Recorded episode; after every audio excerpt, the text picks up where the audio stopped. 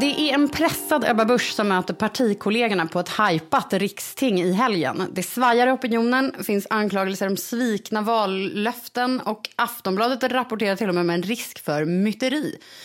Kommer ett 88 punkter långt familjepolitiskt program att rädda partiet?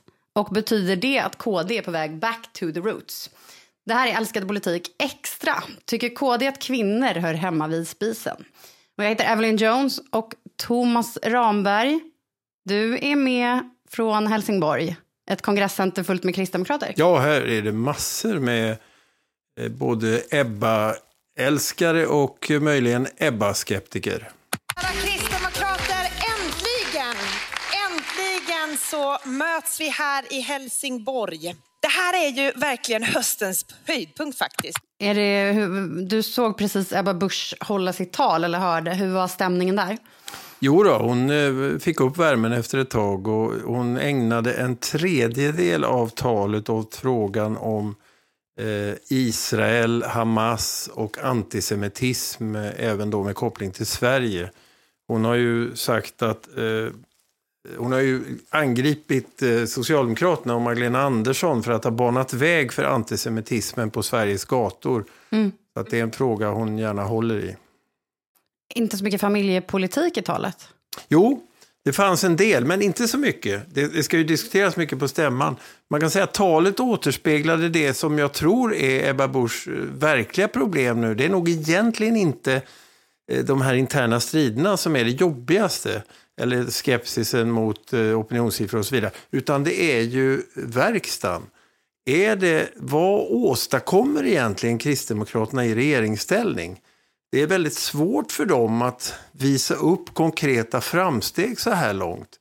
Medan Moderaterna å andra sidan då, eh, de har ju som en skur av utredningar och lagändringar som drar på kring kriminalpolitik och sånt där. Men de områden som Kristdemokraterna har, inklusive Ebba Buschs näringsministerområde, det handlar ju mer om att eh, göra politik på lite längre sikt. Hon pratar mycket om att det jobbas så hårt i korridorerna och det slits med det här och vi har fullt program med det här. Men hon kan inte redovisa så många resultat än och det tror jag är är någonting som de är lite oroliga för, Kristdemokraterna. Vad har de egentligen gjort när det har gått mm. fyra år som är just deras politik? Just det. Men och nu då så kommer de diskutera just det här med familjepolitik en hel del på eh, Rikstinget. Då. Eh, det här 88-punktsprogrammet som eh, upptäcktes på Twitter bara vara 87 punkter eh, eftersom två var samma. Men det handlar då om både att föräldraförsäkringen ska kunna spridas ut över flera år. Man vill att inga dagar ska vara öronmärkta för mamma eller pappa. Då. Maxtaxan i barnomsorgen ska höjas och en massa andra grejer. Vad, vad handlar det här om, Thomas?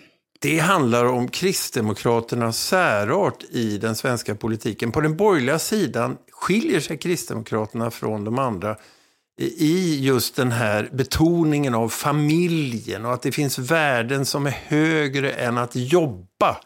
De andra partierna ägnar ju det här med eh, barnomsorg och, och föräldraförsäkring och sånt i huvudsak eh, för att det ska integrera människor, det ska få folk i jobb, det ska vara arbetslinjen. Men Kristdemokraterna, de minns Matteus 4.4. Det gör inte jag. Nej, Nej, människan ska icke leva allenast av bröd utan av allt det som utgår ur Guds mun. Faktum är att det där citeras i Kristdemokraternas första partiprogram eh, när man gick till val 1964. Men numera nöjer man sig med den här första bisatsen. Människan ska, eller bisats heter det väl inte huvudsats. Människan ska icke leva allenast av bröd. Och så stannar man ofta där.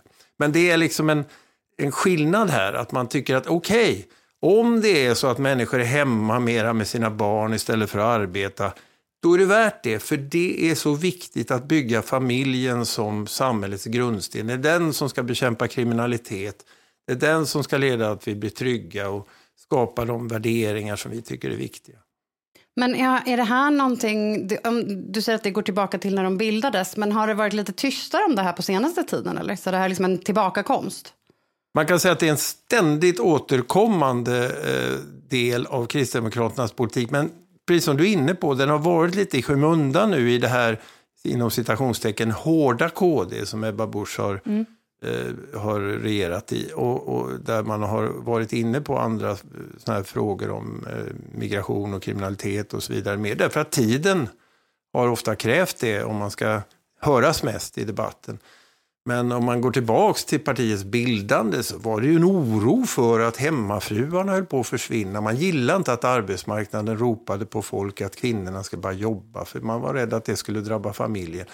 Eh, Alf Svensson på sin tid sen, han drev ju det här vårdnadsbidraget som också var ett mm. sätt att göra det lönsammare att vara hemma eh, om man ville det.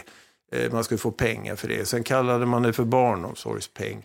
Eh, och nu har man då valt att försöka göra samma effekt inom det system som finns kring föräldraförsäkring och maxtaxa på dagis och annat.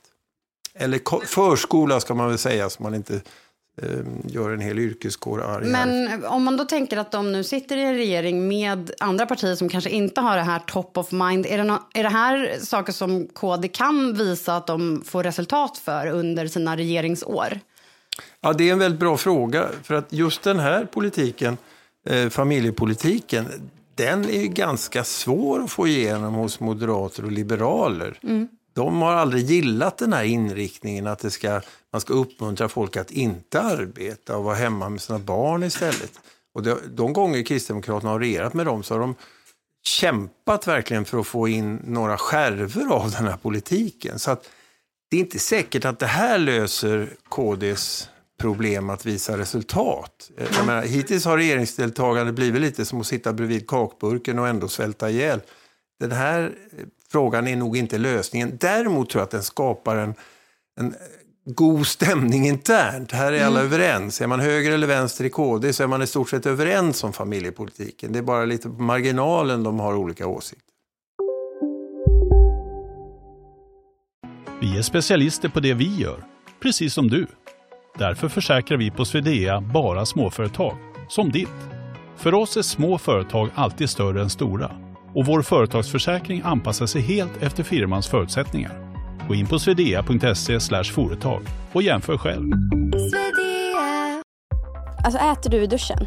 Nej, det gör jag verkligen inte. Men alla gör ju det nu. Duschsnacks, Frans. Vilka alla? Ja, men alla på TikTok och bloggar och allt möjligt. Så det är, de har en tallrik i duschen och så är det lite så här oliver och ostbågar typ. Nej men gud, tapas.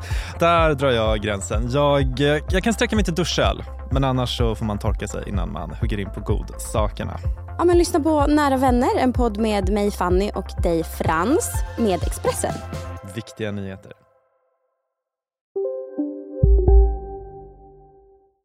Men och du har ju då skrivit om det här eh, programmet och i din analys då idén så skriver du att Ebba Busch kan bygga en kvinnofälla. Var, varför det? Ja, det är det, är det som, som Kristdemokraterna har hållit på och brottats med i debatten i stort sett sedan man bildades. Eh, är, är det inte så att deras politik leder till att kvinnor stannar hemma? Mm.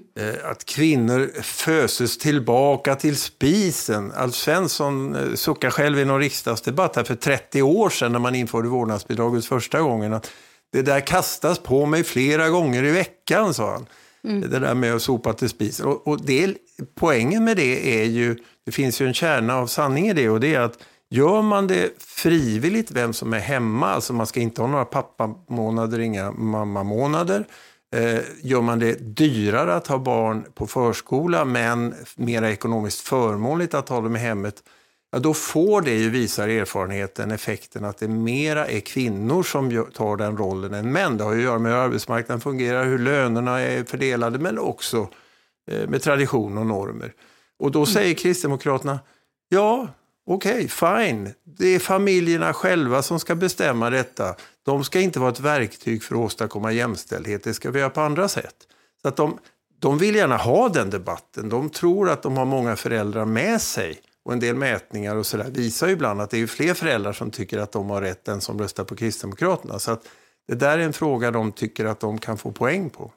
Så för, för dem då, om man hårdrar det lite så att att om man säger att kvinnor ska tillbaka till spisen, det, det, är liksom inte, det behöver inte vara dåligt.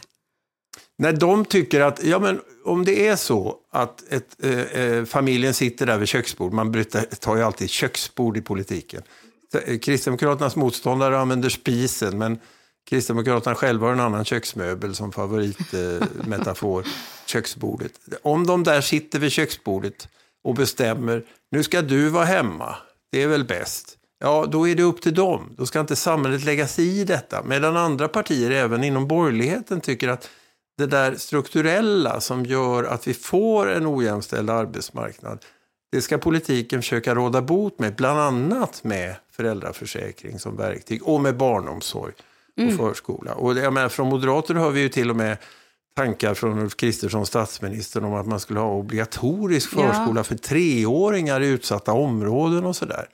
Man ska ta bort eh, eh flerbarnstilläggen ja. i, barnbidrag. Och, så här. och det är ju ett sätt för politiken att försöka påverka människors privata val.